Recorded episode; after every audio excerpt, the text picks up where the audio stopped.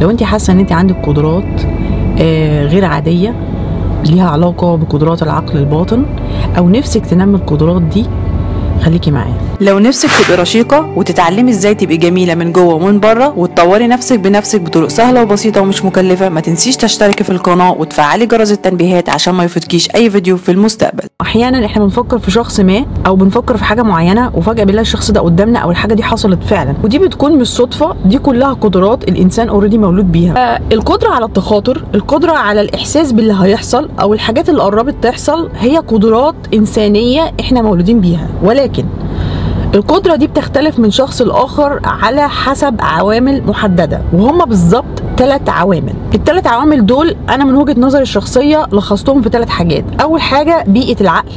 بيئة العقل بتاعتك إيجابية ولا سلبية؟ العامل الثاني هو قدرتك على التخيل. القدرة الثالثة وهي التعامل مع الصوت اللي في دماغنا.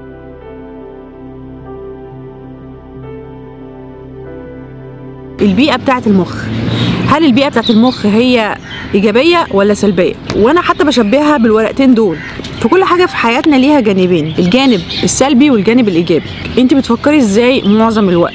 بيئة عقلك عاملة إزاي؟ هل هي بيئة إيجابية ولا بيئة سلبية؟ الورقة الخضراء هي بيئة المخ الإيجابية اللي هي بتكون جاذبة لكل ما هو كويس وجميل. آه وطبعا البيئة الطاردة دي بتقطع رزقنا. بتنفر الناس مننا بتبعد عننا فرص كتيرة جدا. فطبعا الإنسان اللي عايز يطور قدراته وقدرات العقل الباطن لا يمكن ابدا يكون إنسان بيئة مخه سلبية. مستحيل. الحاجة الثانية هي القدرة على التخيل. في ناس كتير قوي تقعد تقول لي أنا ما بعرفش أتخيل أنا ما بعرفش أتخيل. بس أنا لو سألتك دلوقتي مثلا إيه لون باب بيتكم؟ لو أنت جاوبتي على السؤال ده وعرفتي له إيه لون باب بيتكم؟ ده معناه ان انت بتعرفي تتخيلي لانك انت عشان تعرفي إيه لون باب بيتكم من غير ما تتحركي أو تفتكري لون باب بيتكم لازم ترجعي لمخك وتتخيلي باب بيتكم عشان تجاوبي على السؤال ده. القدرة على التخيل هي تدريب. لازم تتدربي ان انت تتخيلي الحاجة مرة على مرة على مرة بتبقى القدرة دي قوية جدا جدا. تقدري تشوفي الحاجة كأنها قدامك. الحاجة الثالثه هي رد الفعل بتاعنا على الصوت اللي جوه دماغنا. إحنا كلنا عندنا صوت جوه دماغنا. كلنا بنفكر. كلنا بيجي لنا كده حاجات في دماغنا وإحنا عايشين في الحياة كده بتبقى أصوات جوه دماغنا بتقول لنا حاجات كتيره قوي. ممكن الحاجات دي تكون سلبية ممكن تكون إيجابية ممكن تكون بتحبطنا ممكن تكون بتشجعنا. ف الموضوع بيتوقف إحنا بنتعامل معاها إزاي؟ لو هي سلبية إزاي بنرد عليها؟ لو هي ايجابية إزاي بنصدقها وبنبتدي نبني عليها ونتشجع وناخد خطوات للامام لو انت دربتي الثلاث حاجات دول بطرق يعني علمية وبطرق مدروسة وبطرق مجربة قبل كده واللي أنا إن شاء الله هشارك معاكي بيها يعني هتبتدي إن أنت تقوي النواحي دي وشوية بشوية هتلاقي القدرات دي بقت قوية جدا عندك وبقى عندك القدرة على استخدامها بمنتهى السهولة ومن غير حتى ما تفكري. أول تدريب هديهولك هو عبارة عن إن انت هتسجلي أحلامك.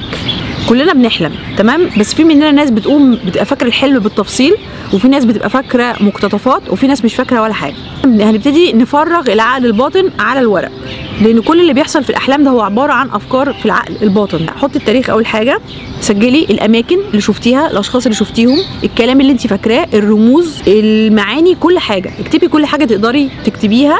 وسيبي الحاجة دي ما تبصيش فيها تاني إلا مثلا بعدها على آخر اليوم أو تاني يوم أو حتى بعد أسبوع. كل ما سبتي الحاجات دي بعيد عشان ما تأثرش على تفكيرك خلال اليوم كان أحسن. ميزة الموضوع ده إن هو هيقوي جدا استرجاع الذاكرة والتخيل هيقوي جدا ال connection أو ال- الاتصال بين العقل الباطن والعقل الواعي على مدار اليوم وهتبتدي تدي لنفسك زي feedback أو تغذية عكسية. إيه الحاجات اللي في مخك واللي انت بتفكري فيها أصلا طول اليوم؟ إن أحيانا كتير جدا أحلامنا بتعكس مخاوفنا وبتعكس إحنا بنفكر في إيه. فساعتها أنت هتعرفي إن انت ممكن تكوني ماشية في الاتجاه الصح وتمام تمام يعني وممكن يكون اتجاه غلط خالص وإن أفكارك سلبية ومش في صالحك فلازم تغيريها أتمنى الفيديو ده يكون عجبك ويكون آه، إداكي أول دفعة عشان تعرفي إحنا رايحين فين من هنا.